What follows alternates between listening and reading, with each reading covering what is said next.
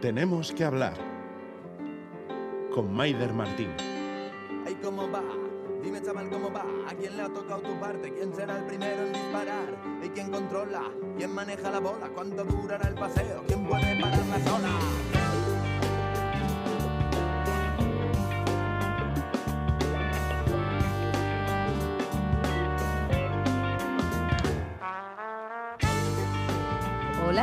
¿qué tal? ¿Cómo lo llevan? Yo como siempre pensando en ustedes y en qué contarles y he pensado que por qué no hablar de eso con gente interesante, sabia y joven. De aquellos que decía el anuncio jóvenes, aunque sobradamente preparados, gente hasp. Hoy hablamos de comida. De hecho, les propongo hacer un recorrido por la alimentación cercana, verde, lo más justa posible, eh, para adentrarnos después en aguas más calientes, las de quienes conciben esto de comer como un acto, sí, común, cotidiano y necesario, pero también como un acto político en el que no quieren involucrar a otros seres. Sí, claro, hablamos del veganismo y el vegetarianismo como opciones políticas.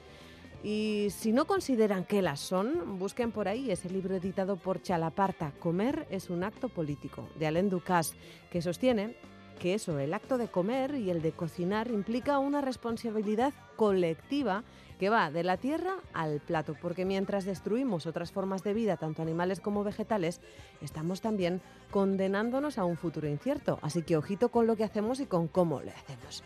De esto va hoy, tenemos que hablar. Tres, dos, uno, arrancamos.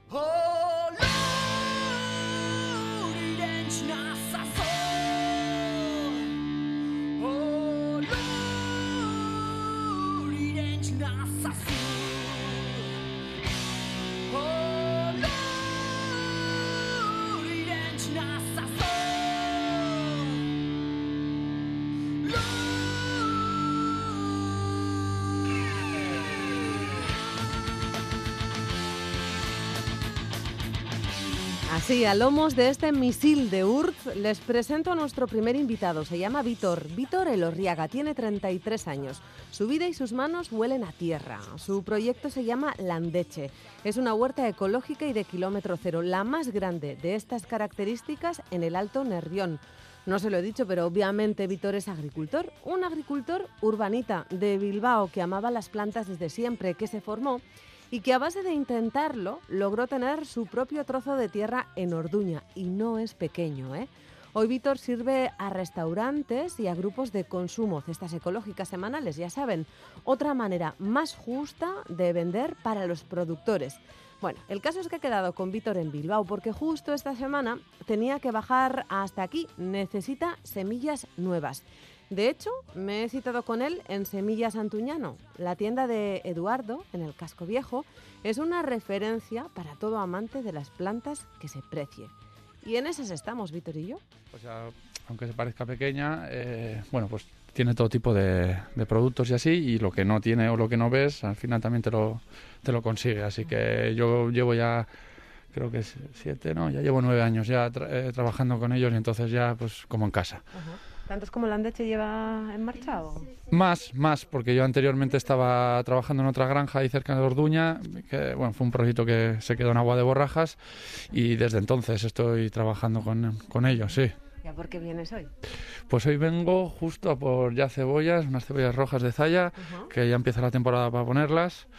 Y. Ah, Puedes hablar, ¿eh? Sí, no, me habían dicho ayer para hacer una entrevista sí, y me dije, me dije ah, bueno, sí, pues sí, que venga a la tienda porque un poco pues para que también... Ya me conoce a mí, ¿eh? Sí, está fichada, está fichada.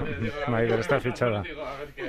Sí, sí, sí. Bueno, ¿y qué estáis comentando de eso, de bueno, la temporada? hablando de tu tienda, así que ah. igual mejor... Eh, si quieres... Vale. Bueno. Poco, bueno, le he dicho que, vale. que, al final me, eres el que me, me ah, sí, proveer, proveer me, me, trae de todo, o sea, desde planta hasta cosas semillas, que semilla sí accesorios para la huerta y sí gente como Víctor y bueno hay mucha y gente como yo luego y urbanitas. gente luego urbanitas que, que luego y encima también gente que luego en los balcones también cultiva sus cositas no pero claro eh, con el cariño que pone Víctor ahí en su en su plantación el saber que tiene además y bueno y que lo hace con mucho mimo Y nosotros sí, pues tenemos puesto el material desde planta que trabajamos en certificación ecológica hace mucho, eh, también tratamientos, hoy por hoy, claro, el kilómetro cero también se valora mucho y, y, bueno, nosotros también siempre hemos estado volcados. ¿eh? Lógicamente, en nuestro entorno siempre ha sido eso. Euskal Herria, mm, estas últimas plantas hemos traído en Navarra en concreto, pero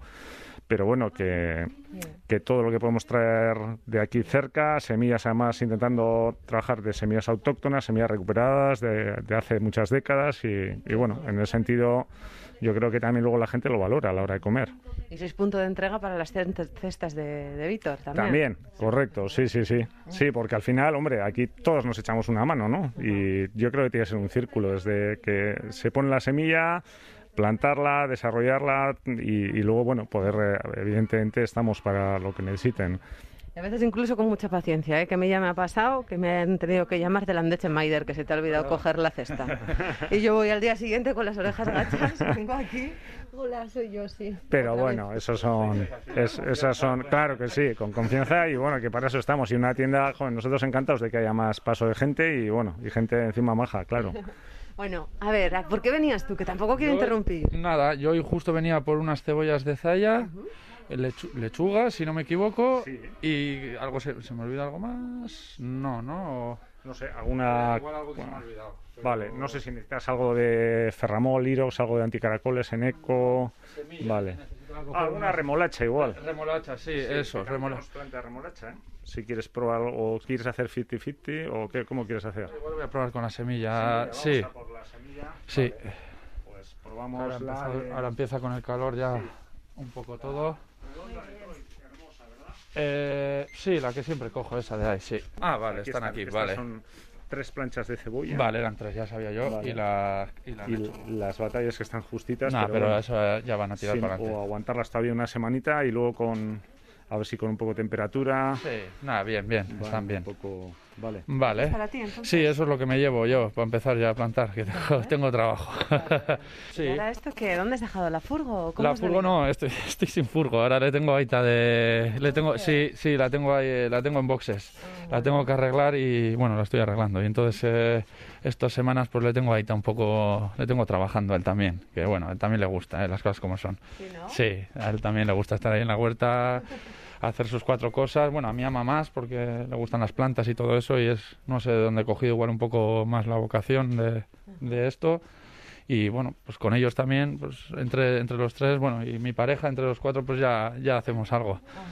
¿Cuánta extensión tiene tu huerta? Eh, lo que es en, en superficie tenemos una hectárea y media, pero cultivada tenemos aproximadamente unos en aire en el aire libre, o sea, lo que es sin invernadero, unos seis- 6.000 metros o así de huerta.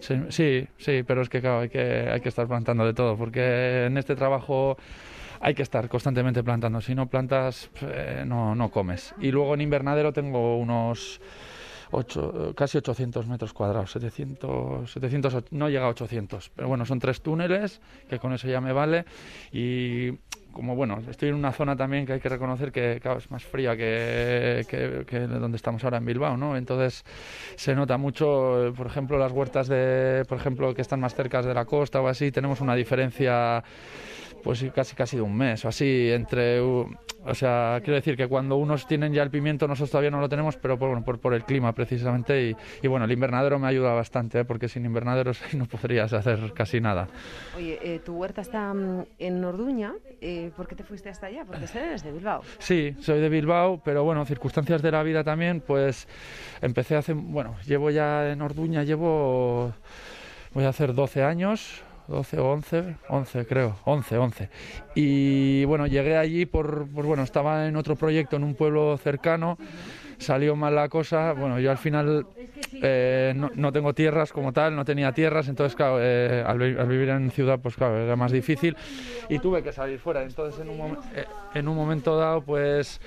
Bueno, miento. Primero fui a trabajar a, a- ahí cerquita en Délica, que había una, una granja, y ahí me puse dos años con, con un chico que estaba allí, hasta que ya quiso dejarlo él, y entonces yo me encontré una tesitura ahí que, que tenía clientes ya hechos y, y claro, me quedaba sin huerta y bueno, pues eh, salió una propuesta del ayuntamiento de ceder unas, unas tierras eh, eh, municipales y entonces me presenté allí bueno, eh, y, y me las dieron. Y entonces la- las he cogido, pues bueno, tengo un largo alquiler ahí para tiempo tuve que hacer las inversiones y todo eso para montar un poco lo, que quería y ahí nos pusimos. Así que había, podía haber sido en Orduña o en otro lado, pero bueno, ya como ya llevo tiempo ya me siento ya, vamos, cómodo con la gente y con todo, vamos, no, ya como de- ya soy orduñés, vamos. Y vale, seguimos ahora, pero te dejo que pagues y todo eso. Yo Va- pongo en pausa la grabadora Vale. y, y luego nos vamos fuera y hablamos un Vale, rato más. vale, perfecto. Así que Víctor paga la compra, la deja en la tienda porque ocupa mucho espacio y salimos fuera a seguir hablando. Tengo enfrente a un tipo que es radicalmente vital, sonríe todo el rato. La sonrisa como manera de estar en la vida, imagínenselo porque es así. Al salir de la tienda, todavía tengo que conocer a más gente. Ya han escuchado antes que Víctor ha venido en la furgoneta de su aita. ¿Cómo las preparas, eh, Víctor? ¿Por? Se te No. nota que eres así activo, un Sí, tipo activo. no, hay que estar, en, la, en la agricultura hay que estar, hay que estar activo porque, bueno, si no, no, no, no, no, no, no, no no, comes. es así, o sea, estoy delgado de eso, de tanto trabajo y tanta adelante y para atrás. Aquí está mi aita. Ah, vale, apa. Hola, encantada. Hola. ¿Tú eres Richard? Sí. Hombre, pues nada, ya estamos todos. Sí. Qué alegría conocerte. ¿Qué tal vosotros por ahí? ¿Qué tal ahí en esto habéis estado bien, no? Habéis, eh, sí. hecho ahora un poco, sí. voy a seguir, ahora le voy a dar más la vara. Hablamos un rato con la familia de Víctor con su aita Ricardo y después pues seguimos con la conversación que teníamos entre manos. Bueno, me decías, hay que estar activo, hay que moverse porque si no Eso aquí es. no comes. Eso es, sí. Dale. Y bueno, pues, pues, pues eso, moverse y luego también buscar mercados, porque bueno, ahora con el coronavirus también nosotros estábamos llevando más al tema de restaurantes y todas estas cosas y claro, la restauración ha estado un poco ahora bajita, bueno, yo llamo que ha estado como una montaña rusa. Y entonces, claro, la- nosotros a la hora de, de planificar la huerta, pues nos ha sido un poco difícil de cara a hostelería estos dos años, porque claro... Me pasó en marzo cuando se cerró todo, de que de repente, claro, tenía la huerta al 100%, tuve que tirar un montón de cosas, bueno, quitarlas. Sí, y tuvimos que reducir un poco el- el- el eh, la plantación, centrarnos en los invernaderos y en dos cosas más y esperando un poco a que, pues, que todo esto evolucionara. Y bueno, pues ahora yo creo que este año ya ya vamos a salir, salir bien. Sí, vamos, quiero decir que viendo que la hostelería va a arrancar, que, que todo va a tirar para adelante, nosotros vamos, vamos a ir bien. Vale, pero un bilbaíno es muy urbanita. Sí. Tú te dedicabas a otra cosa antes, estudiabas otra cosa. A ver, des- eh, empecé primero a hacer forestal, o sea, estudié forestal y bah, pues no, no, vi, no vi que... Técnico forestal. Sí, no vi que tenía mucha, mucha cabida, mucho futuro ahí, porque claro, eh, había que hacer eh, los exámenes estos y todas cosas para entrar y me di un poco bajón. Y, y bueno, pues me metí en la jardinería. Estuve jardinero, estuve trabajando también en el Ayuntamiento de Bilbao.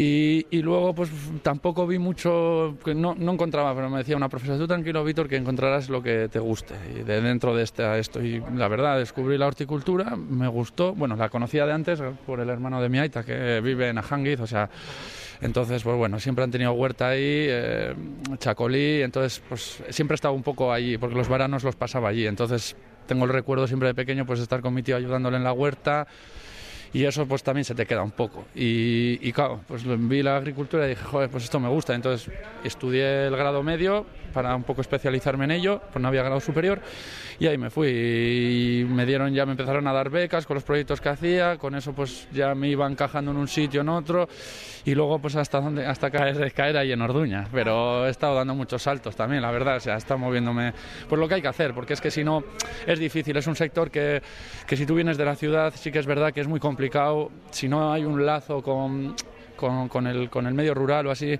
sí que es verdad que, que, es muy complicado. Y yo sé muchos compañeros que han estudiado conmigo que, que no han podido hacer, no han podido, pues eso, conseguir un terreno y porque es difícil, es muy difícil. Y, y luego las inversiones que hay que hacer, hay que hacerlas con mucho cuidado también, porque yo las hice midiéndome un poco para que luego no, no, no, perdón, no estar ahogado pero claro, es un poco, hay que andar un poco ahí en cuidado con esas cosas. Por la... Y ahora ya vives en Orduña y ahora todo. sí, sí, yo vivo en la granja ya, ahí vivo, tengo una casita de madera pequeña, pero ahí estoy tranquilamente y, y estoy tranquilo porque trabajo en casa, tengo los animales, no sé, es, un trabajo bastante tranquilo y, y al final no es, no sé, no es un concepto de que o sea, hay que valorar un poco la agricultura en las pequeñas cosas que te da, ¿no? que son esas cosas de poder trabajar en casa, tener tu horario, sí que hay veces que es sufrido y hay que trabajar como en cualquier otro trabajo, pero joder, yo esos pequeños detalles que tiene que dices, joder, mira, pues ahora, pues por ejemplo, ahora puedo estar contigo aquí y podemos hacer la entrevista tranquilamente, ¿no? Pues son esas pequeñas cosas que también a uno le dan libertad y, y está a gusto. Bueno, te tiene que gustar también, ¿eh? porque si no te gusta, yo eso es como un infierno también. ¿Y tú tenías claro que querías dedicarte a la agricultura ecológica? Yo lo que estudié, porque no había eco, ecológico en mi momento, yo estudié industrial, o sea, yo mis estudios son industriales y bueno, hay una discusión un poco, un poco grande. Yo sí soy partidario y abogo por lo ecológico porque aparte que es lo que hago, es lo que por mi pensamiento y por mi manera de ver es como hay que hacerlo.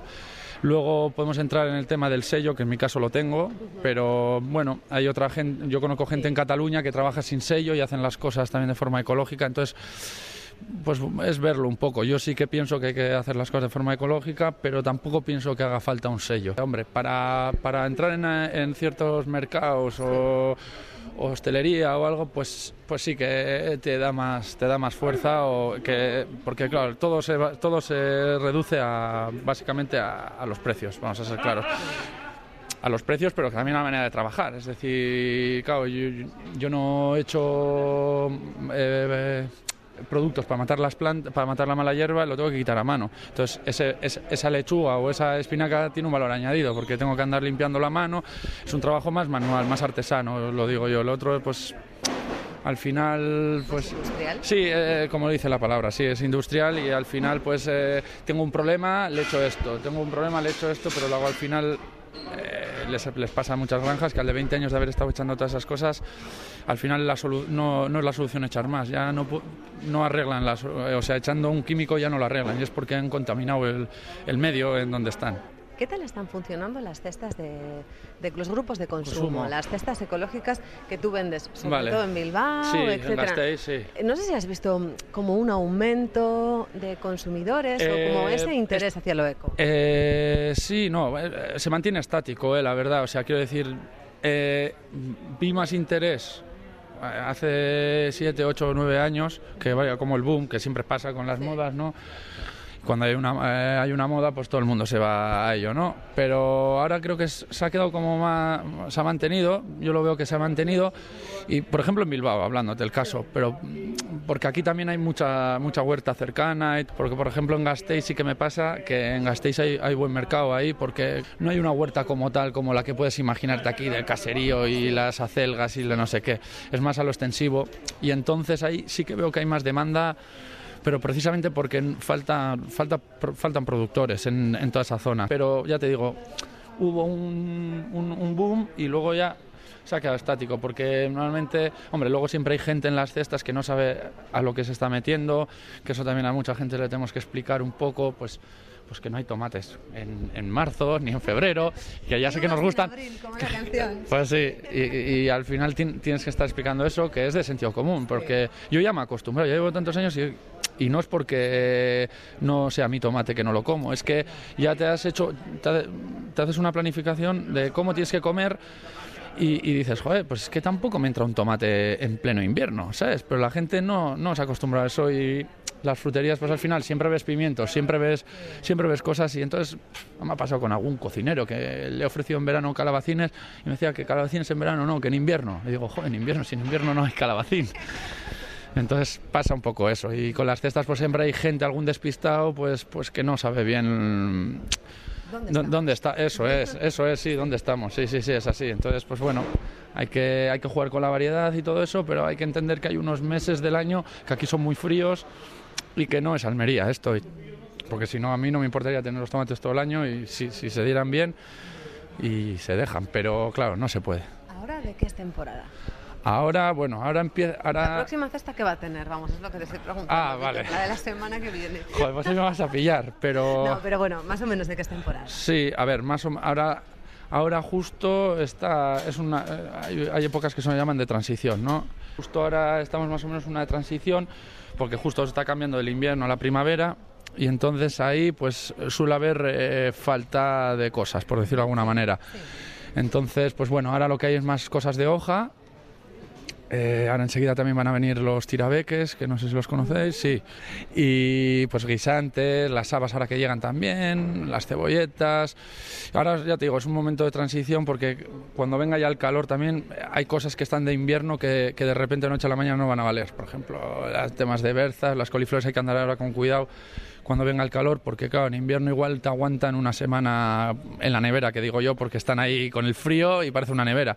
Pero ahora te vienen dos días de calor y de repente se te abren y entonces es, un, es, una temporada un poco, no complicada, pero hay que estar más atento, porque el invierno, pues como te retrasa los cultivos al final, el trabajo de, o sea, pues, ya te digo, puedes tener ahí las acelgas o lo que sea, semanas que no se van a estropear ni nada, o sea, están como en una nevera. ¿Tú te quieres jubilar en esto? Sí, sí, sí, sí, sí claro que sí. Vaya sonrisa, ¿eh? Sí, claro, claro sí. sí. porque el otro día también no sé qué, fui a hacer una cosa, un papeleo institucional y tal y me dijeron, ¿pero vas a seguir? Y digo, hombre, yo hasta que me jubile. Ya, ya me sienta, no me sienta mal, pero digo, joder, claro, es lo que me gusta y, y si mientras el cuerpo me funcione, ahí voy a estar, porque sí que es verdad que es un trabajo un poco físico y, y también lo, yo cuando entré con 21 años no es lo mismo que ahora para agacharse. También pasan los años y se nota, se nota. ¿Cuántos tienes ahora? Yo ahora tengo 33 y empecé con 21 con 21, así que ya, pues eso, ya pues algo de experiencia ya te he cogido, aparte de, bueno, los conocimientos de, de la escuela. Estupendo, pues ha sido un placer conocerte, verte y saber que la persona que nos provee aquí de alimentos ecológicos de la huerta, bueno, pues tiene 33 años y se llama Víctor Elorriaga. Ahí está, y que tenemos carrera todavía para pa darle, tenemos cuerda. Qué ricasco. Suri, ajur. ajur.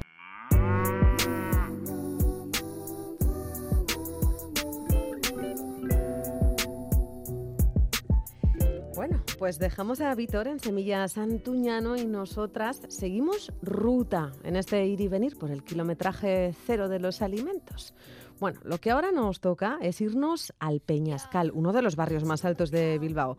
Hemos quedado allí con nuestro siguiente interlocutor. Con él vamos a hablar de carne. Está a la vuelta del teléfono Javi Rodríguez Aedo.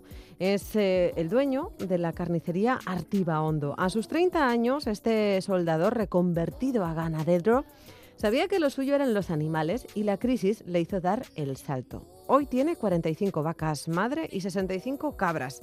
Si son vizcaínos, las han podido ver seguro, porque son muchas las veces que les esperan sentados en medio del camino si suben corriendo, caminando o a veces eh, como pueden, como podemos, a la cima del Ganeco Gorta. Por ahí están esas, esas vacas de Javi. Hola, ¿cómo estás? Hola, Maider, muy buenas. ¿Qué tal? ¿Y cómo están ellas, tus vacas y tus cabras? Ellas bien, esperando a que venga la primavera para subir otra vez para arriba. ellas suben con bastante más alegría que, que nosotros muchas veces, ¿eh, Javi? Sí. Cuéntame, eh, ¿hace cuánto empiezas tú con esto? Pues yo empecé alrededor de hace siete años. Uh -huh. eh, comencé con hacer el, el intercambio con, con, una persona que se jubilaba. Uh -huh. O sea, con bueno, 23, 2000, ¿eh? Sí, sí. Uh -huh. Y ya con en el año 2017 pues adquirí yo la explotación y comencé ya a ser yo el titular y a, a encargarme yo de todo. ¿Dónde tienes tú la explotación ganadera? La carnicería en el Peñascal, pero la explotación... Sí, yo la explotación la tengo en Alonsotegui, en el barrio Artiva, donde está la presa que se ve desde Ganeco Gorta. Uh -huh. Ahí tenemos las fincas para invernar el ganado y, y el resto echamos a monte comunal, ahí a Ganeco Gorta. Ya. ¿Por qué eliges trabajar eh, de esta manera, versión kilómetro cero? Bueno, pues yo desde el principio tuve claro, yo ya había conocido anteriormente explotaciones ganaderas por parte familiar en, en, en Carranza. Ajá. Y, o sea, que no te viene de sangre, ¿no? Te viene en la sangre. Sí, sí, sí, ya mi abuela se dedicó a ello en su día y, y, y la verdad que tenía claro que, que el sistema intensivo no me gustaba. Era una fórmula que no me gustaba.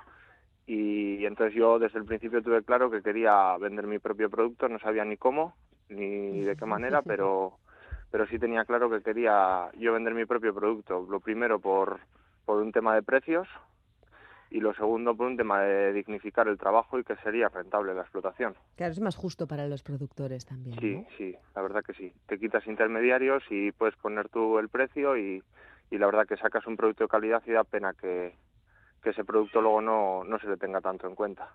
Decíamos que tú tienes eh, una carnicería en un barrio de Bilbao, en el Peñascal, pero creo que también vendes algo así como tu propia cesta ecológica. Sí, bueno, eh, yo lo que hago es, eh, yo comencé con, con- antes de tener la carnicería, comencé haciendo lotes de carne. El matadero Oñati da un servicio de que te, te lo prepara en lotes y yo hacía lotes de 5 kilos y repartía a domicilio. Eh, al ver el éxito que tenía y tal, pues bueno, me surgió la oportunidad de coger aquí en el barrio del Peñascal eh, la carnicería y ya comenzamos pues el- la venta en la carnicería y aparte seguimos haciendo los lotes y repartiendo a domicilio. Ya.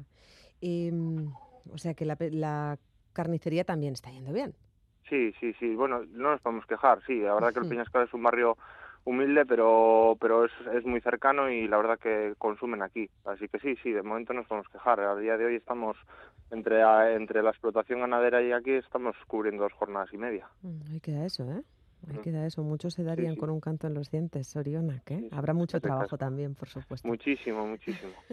Porque los animales también requieren eh, un 365 días, ¿no? Una constancia sin descanso, estar con ellos y estar para ellos. Sí, sí, sí. La verdad que en, en el ganado ex- extensivo es diferente a cuando es eh, producción lechera o, Sí. o demás que tiene esto, pero sí, co- requiere los 365 días seguro. De otra manera, pero sí, sí. Nos has dado una clave. Hablamos de kilómetro cero mm, en carne, pero has dicho el matadero de Oñati nos daba la posibilidad de hacer lotes. Oñati Sí. nos queda lejos. ¿Por qué vas hasta allá? Pues porque no tenemos ningún matadero cerca. Eh, yo cuando comencé con la carnicería empezamos a matar en Yodio, pero el año pasado se cerró el Sí. matadero de Yodio y no tenemos materos cerca. Entonces, al final eso nos está nos está haciendo muchísima faena en el sentido de poder eh, abaratar costes de, a la hora de, de llevar a matar y le metemos kilómetros a- al producto, que es al final lo que queremos evitar. ¿Por qué mm, esta carne, kilómetro cero, es mejor? Vamos, véndete. Eh, ¿Por qué es mejor? Sí. Bueno, pues al final eh, es un producto que trabajas en la cercanía. Al final eh, tú conoces a los clientes, eh, los clientes te conocen a ti.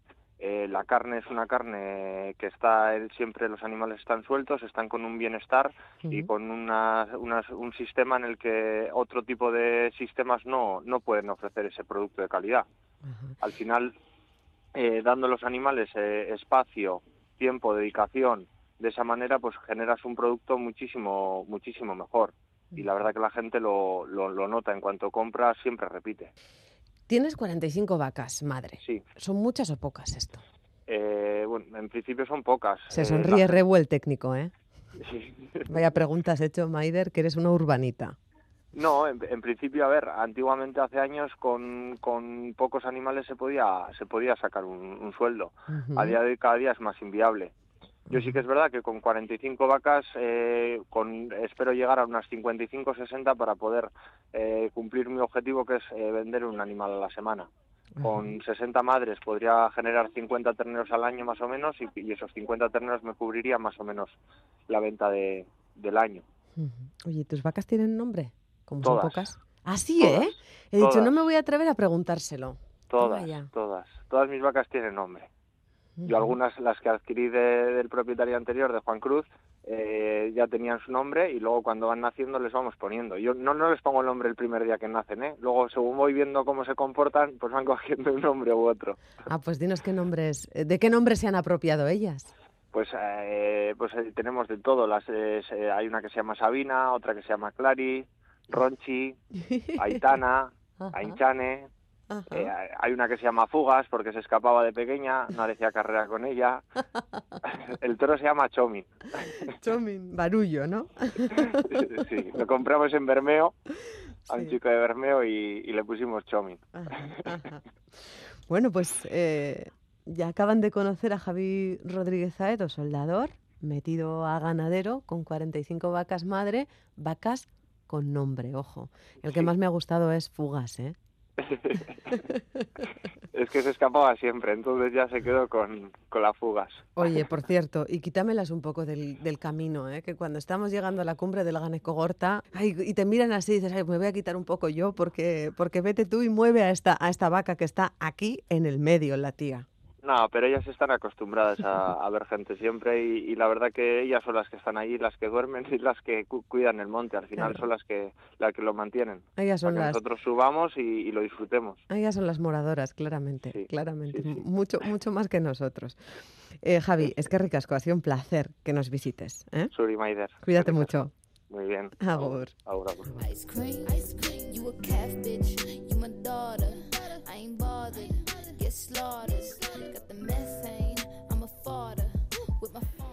Bueno, pues les voy contando más cosas, porque mientras pensaba en cuáles iban a ser los participantes del programa, me vino a la cabeza Gaizka Esparza.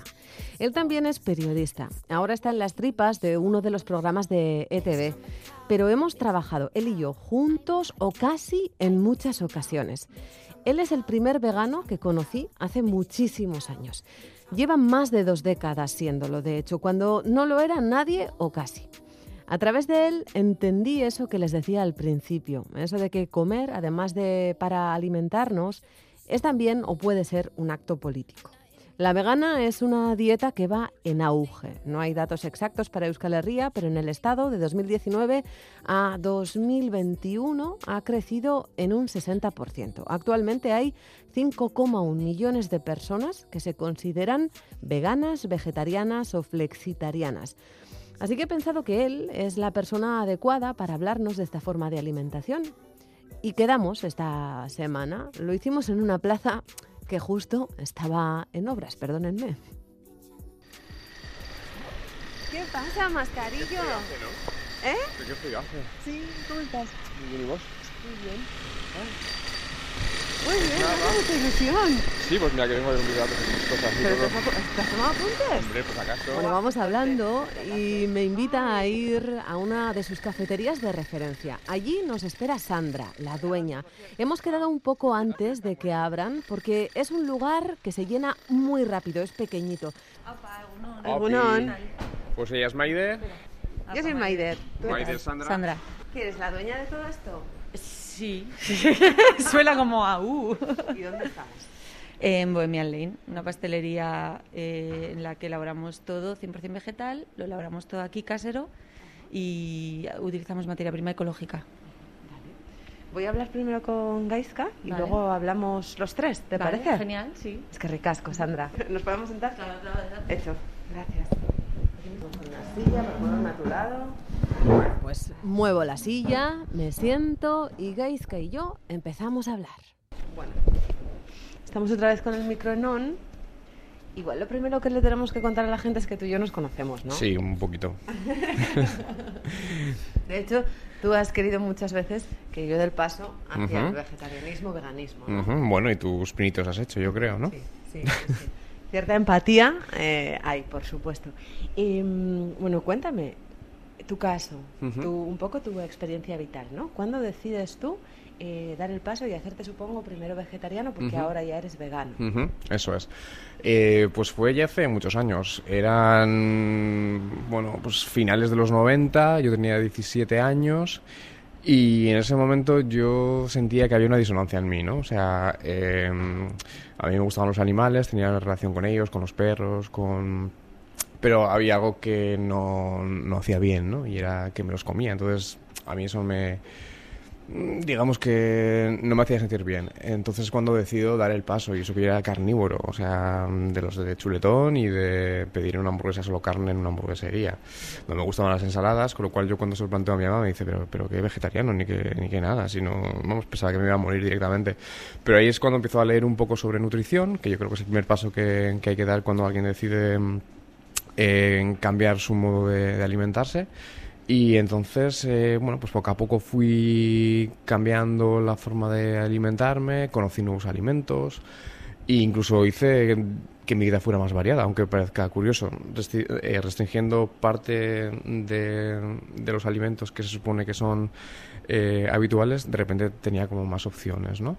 Y ahí, ahí empieza un poco. Eh, no sabía cuánto iba a durar, si iba a aguantar o no, Pero mira, han pasado ya 25 años y aquí sigo y si te digo la verdad, las cosas han cambiado tanto para, para bien. Quiero decir, ahora es mucho más fácil. Hablamos de finales de los 90, cuando encontrar productos veganos era casi una locura. O sea, que tienes que ir a herboristerías muy concretas, tenías cuatro productos, no tenías mucho donde elegir. Y ahora en grandes superficies, supermercados, tienes una gran variedad de alimentos veganos, ¿no? Eh, Entonces, claro, es que la cosa ha cambiado mucho y se ha hecho mucho más fácil. O sea, quienes den ahora el paso lo van a tener bastante más sencillo. Claro, tú decías, ¿no? A, finales de los 90 era imposible. ¿A dónde te ibas? Además de las herboristerías, tenías, yo qué sé, que viajar a Madrid, a Barcelona. A ver, en aquella época yo era ovo-lacto vegetariano, con lo cual la cosa se me, me hacía un poquito más sencillo. La, la tortilla básicamente me salvó la vida durante muchos años, ¿no? Lo que pasa que yo, ay, claro, yo cuando empiezo este proceso no había una reflexión muy profunda. Eh, simplemente, bueno, yo decidí que no quería comer animales y di el paso, ¿no? Pero Entonces, porque quizá te sentías, no sé si todavía podíamos hablar de ti como animalista en aquel momento. Sí, claro, yo por ejemplo era antitaurino y decía, va, qué mal están las corridas de toros, pero luego me comía eh, un filete de, de carne sin problema, ¿no? Porque al final también ese es un poco lo que nos, lo que nos enseñan desde pequeños, lo normal, es lo, natu- es lo natural y no hay otra opción. Y de repente descubres que hay otras opciones y que puedes dar el paso y puedes cambiar, ¿no? Claro, eh, lo, que me comentabas, de, en ese momento era, era complicado eh, encontrar sitios, encontrar restaurantes eh, con opciones, pero es verdad que siendo volacto era más fácil. Luego ya es cuando doy el, el paso, cuando ya me informo de más cosas, ¿no? porque esa idea de la vaca feliz que nos han vendido, eh, la vaca que ríe y todo eso, cuando nos da leche, porque es la, vaca lechera, que se supone que, que su función en la vida es dar leche para nosotros. Y es mentira, es un mamífero que como cualquier otro eh, da leche cuando tiene una cría, con lo cual esa leche se la quitamos a su cría, esa cría acaba en el matadero. Bueno, hay un proceso que ni te planteas cuando, cuando estás al margen ¿no? de, de- de este tipo de movimiento. Ya te digo que yo lo hice de una manera muy aparte de- del movimiento animalista, sino una cosa muy, muy personal. Y luego es cuando me fui acercando a posiciones igual más, más políticas, de, de alguna manera. ¿Qué les dices a los que te dicen que eh, la dieta eh, vegana, en tu caso ahora, no es variada?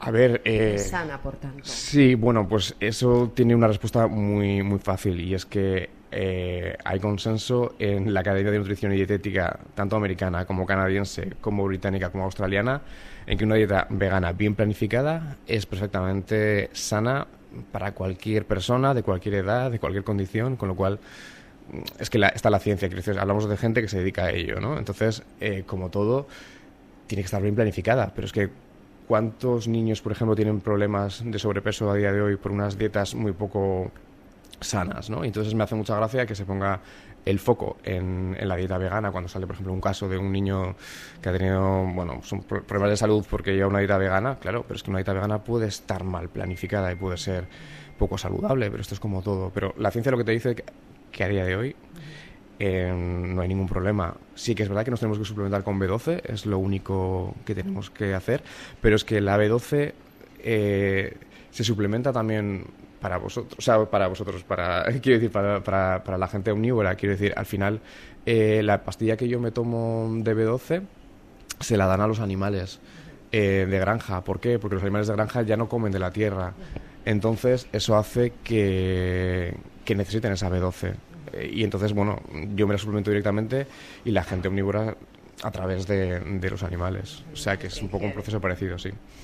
Recuérdanos, ¿qué rescinde, qué rescinde la, la dieta vegana?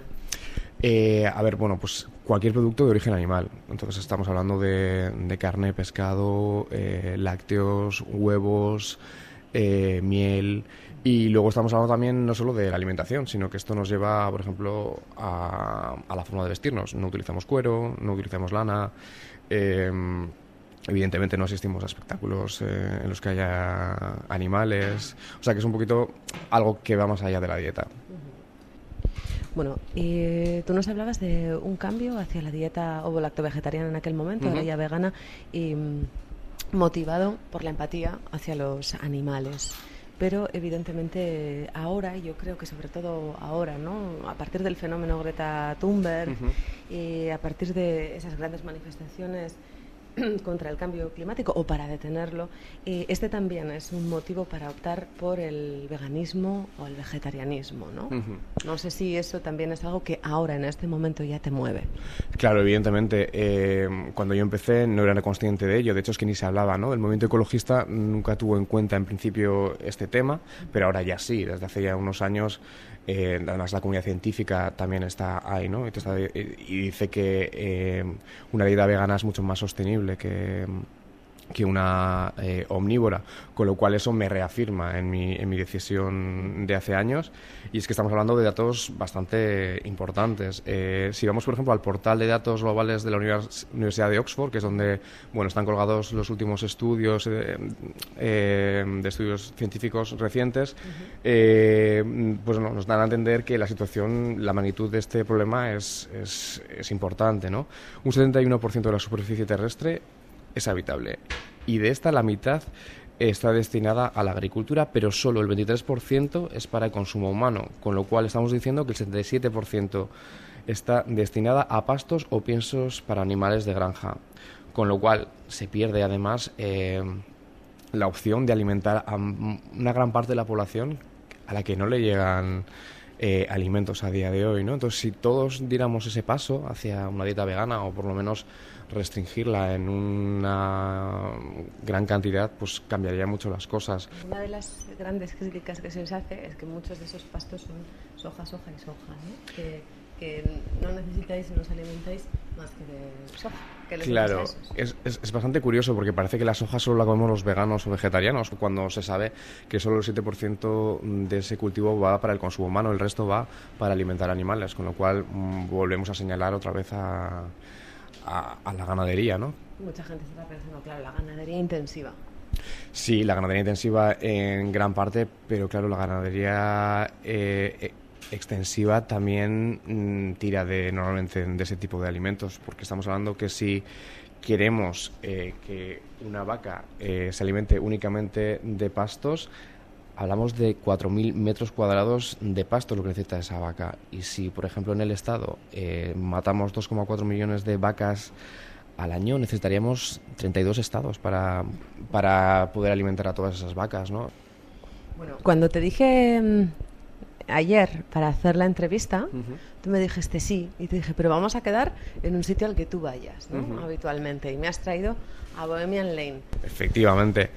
Eh, lo que hablábamos antes de que la cosa sea, mm, se nos ha puesto mucho más fácil a los veganos, ¿no? Es que tenemos mucho más sitios, mucho más locales que hace años eran impensables, ¿no? En Bilbao tenemos eh, restaurantes veganos, tenemos eh, tiendas mm, exclusivamente veganas con todo tipo de alimentos, que antes tenías que ir, pues eso, a Madrid o yo me acuerdo las primeras cosas de estas que compré fueron en, fueron en Londres.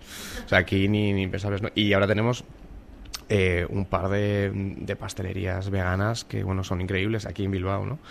Entonces, claro, eh, pues es como decía. Cómo sonríes, Claro, es que como te decía antes es todo mucho más, es todo, es todo mucho más fácil y, y, y es un lujo, claro, Eh, porque a veces parece que solo comemos ensaladas y no, o sea, quiero decir. Eh, nos gusta comer y guarradas también de vez en cuando, hamburguesas, eh, comida rápida y tenemos también derecho a, a eso, ¿no? Nos está escuchando por aquí Sandra. Hola. Y la hemos saludado antes. Y siéntate, porfa, claro. Bueno, gracias por abrirnos para empezar Bohemian Lane un poquito antes de lo habitual. Estamos grabando por la mañana y has abierto antes para que no haya ruido. Lleváis ya un montón de años, ¿no? Siete. Siete, que se dice pronto. A mí se me hace como... Ha sido corto y largo a la vez. ¿Por qué eso de corto y largo?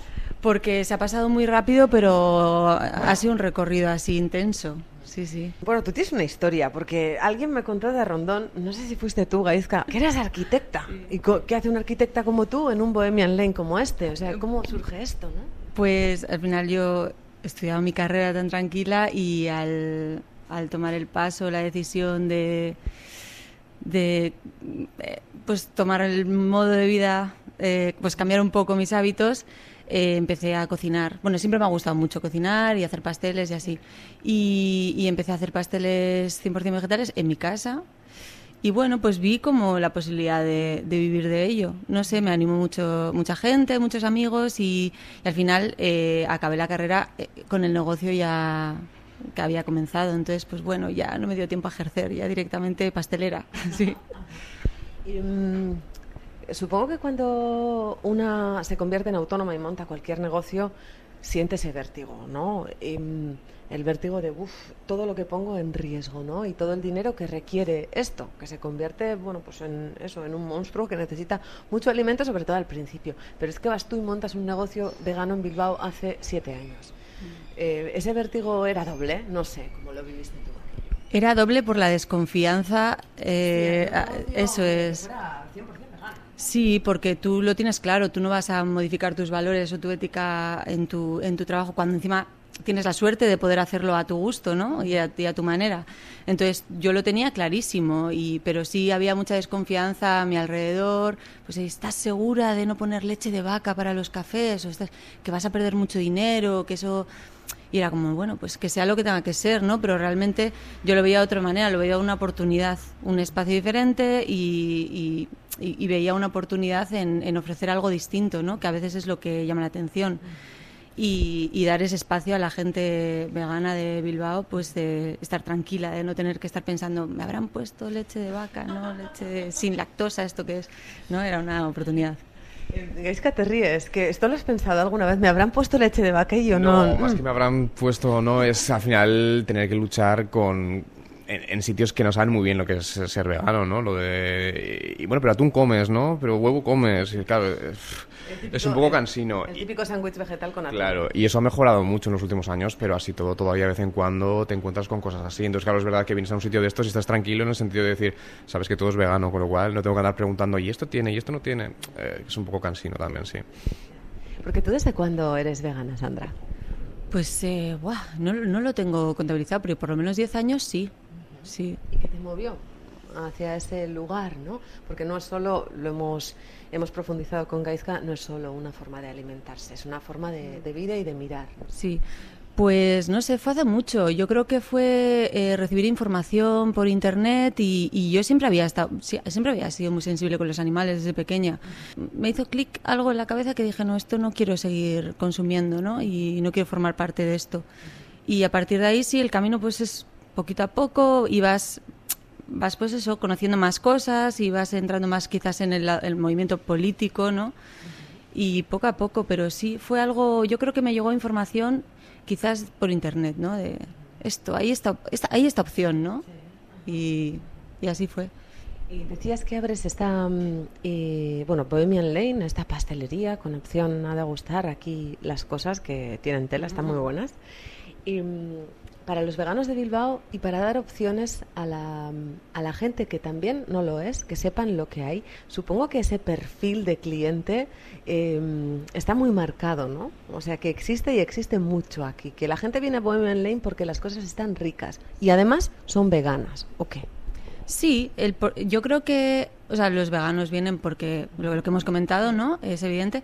Pero sí hay mucha gente que es porque le gusta el producto y, le gusta el ambiente o le gusta el espacio y, disfruta un rato guay aquí. O sea, no es solo por el. Por, o sea, es una pena que no sea solo por el veganismo, ¿no? Pero, pero sí es verdad que es porque gusta el producto. Sí. Bueno, pero de alguna manera yo creo que eso ayuda también, ¿no? Eh, porque al final es lo que te decía, ¿no? Que a veces la, la gente tiene la idea de que ser vegano es comer ensaladas y nada más, y de repente cuando descubren sitios como este, dicen, joder, es que si un día doy el paso, no me voy a tener que mm, privar de todo, ¿no? Tengo incluso palmeras buenísimas que, que hay... Yo, yo traigo aquí mis amigos que no, son, que no son veganos y les gustan más las palmeras estas que otras mm, de otros sitios muy famosos de Bilbao. Lo hiciste conmigo. Eh, por ejemplo. Pues entonces, claro, es una forma también de atraer a la gente. Eh, yo, por ejemplo, en mis redes sociales uso mucho eh, el subir fotos de, de platos veganos, de, de- de productos veganos que, que, que llaman la atención, que tienen muy buena pinta, porque es la manera de decirle a la gente, es que mira lo que te puedes co- comer, quiero decir. Ser vegano no es comer de una ensalada mixta, que entiendo que, claro, que si tienes esa idea te va a ser muy complicado dar el paso. Entonces, yo creo que este tipo de negocios ayudan. Y al final, cuanto más fácil se lo pongas a la gente, más fácil va a dar el paso. Yo, yo me acuerdo cuando estuve en Berlín hace, hace años, de repente, eh, por primera vez en mi vida, estaba en un grupo en el que había más veganos que no veganos. Y le pregunté a una de las chicas que era, era alemana y le dije, ¿y tú cómo diste el paso y tal? Y ella me dijo, "Es nada, es que vine aquí a Berlín y me fue tan fácil que ni me lo pensé. Claro, al final es una especie de... mm, o sea, si, si tienes todo tan fácil, no te lo piensas tanto. Entonces, claro, este tipo de negocios yo creo que al final ayudan. Para mí fue como cuando, cuando inicié, yo decía siempre que era como mi pequeño activismo, ¿no? De, sí, de, de ponerlo fácil, de decir, mira, aquí tienes esto, lo pruebas y ya verás como no vas a tener ningún problema, porque igual era la parte que menos desarrollada estaba aquí en Bilbao como comercio de pastelería y así. Para mí era lo, lo sencillo de ofrecerlo y además cuando entra la gente con los pasteles nadie tiene ninguna duda, o sea, no, no preguntan, es como esto es- va a estar rico ya, ¿no? Porque es un pastel. Si hay más dudas con las bebidas o así, pero para mí eso era un pequeño activismo de, mira, ponerlo fácil, ¿no? Se puede. Y alguien ha venido y te ha dicho, jo, pues gracias a venir aquí he dado el paso y ahora estoy trabajando en esto del veganismo, vegetarianismo, no lo sé. ¿no? Estoy dando mis primeros pasos en esto. Sí que viene gente que está en proceso, sí. Que al final, pues este, este paso, como decíamos, es el fácil, ¿no? Pues en vez de ir a otra pastelería que tenga huevo lácteos, venir aquí, que es algo rico. Sí, sí, sí. Sí hay gente que viene que está en proceso de cambio, sí. ¿Qué sientes tú como activista? Ya le pregunto a Sandra, la activista, no la dueña de Bohemian Lane. Jo, pues es una gozada, porque al final ves que, lo que, el esfuerzo que estás poniendo en, en, eso eh, tiene algo de, fruto, ¿no? En, sobre todo, pues personal y así, con, cuando hablas con la gente a, a modo personal es muy guay, sí. Y por terminar ya, em, ¿qué pasa con vuestras palmeras, Sandra? Yo no sé qué pasa, pero eh, ganan concursos, son recomendadas. Pues no sé lo que pasa, es el boca a boca. Si a la gente le gusta, da igual, porque yo creo que, por ejemplo, en redes sociales hemos hecho cero marketing sobre las palmeras.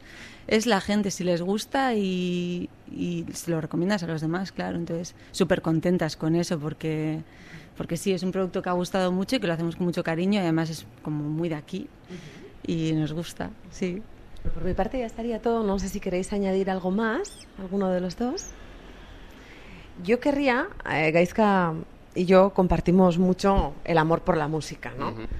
Así, a bote pronto. ¿Qué mm, banda sonora le pones a esta conversación? Hombre, te diría un clásico. mm, el Miris Murder de los Smiths. Vamos, lo tenía ahí. que diga los Smith, que diga Claro, claro, claro. Bueno, Morrissey fue un pionero en, en todo esto. Es verdad que últimamente ha hecho declaraciones un poco de, de otro tipo de... Pero bueno, es verdad que él dio el paso cuando... Si a- yo hablaba de finales de los 90, que era complicado, imagínate a mediados de los 80. Y eso que él viene de Reino Unido, que Reino Unido en ese sentido siempre ha ido un poquito por delante, pero así todo, pues eso. Es un tío complicado que le gustan las cosas Efectivamente, pero es un temazo en, en Miris Murder y la letra, desde luego, si alguien quiere que se ponga a escucharla y a traducirla, porque es, im- es impactante, sí, sí, sí. El arranque, uff, esos sonidos de, de animales en un matadero. Pues vamos a, a escucharla. Gracias a. Es que ricasco, Maite. A ti. Es que ricasco, Sandra. Vale. Vale, pues ya vamos a la vez.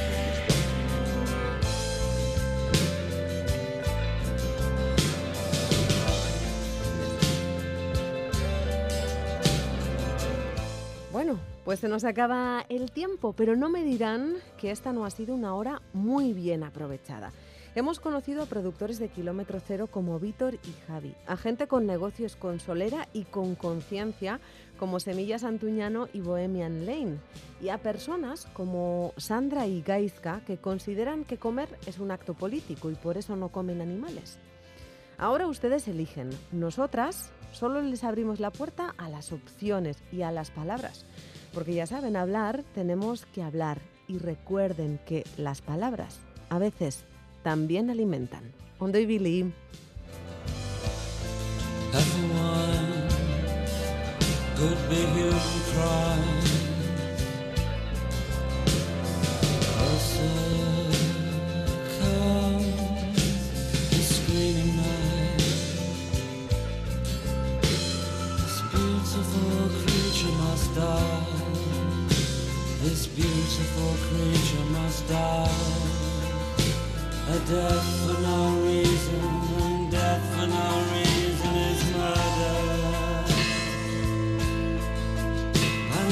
Flesh you so fancifully fried is not succulent, tasty or kind. it's death for no reason, and death for no reason is murder. And the card that you carve with a smile is murder.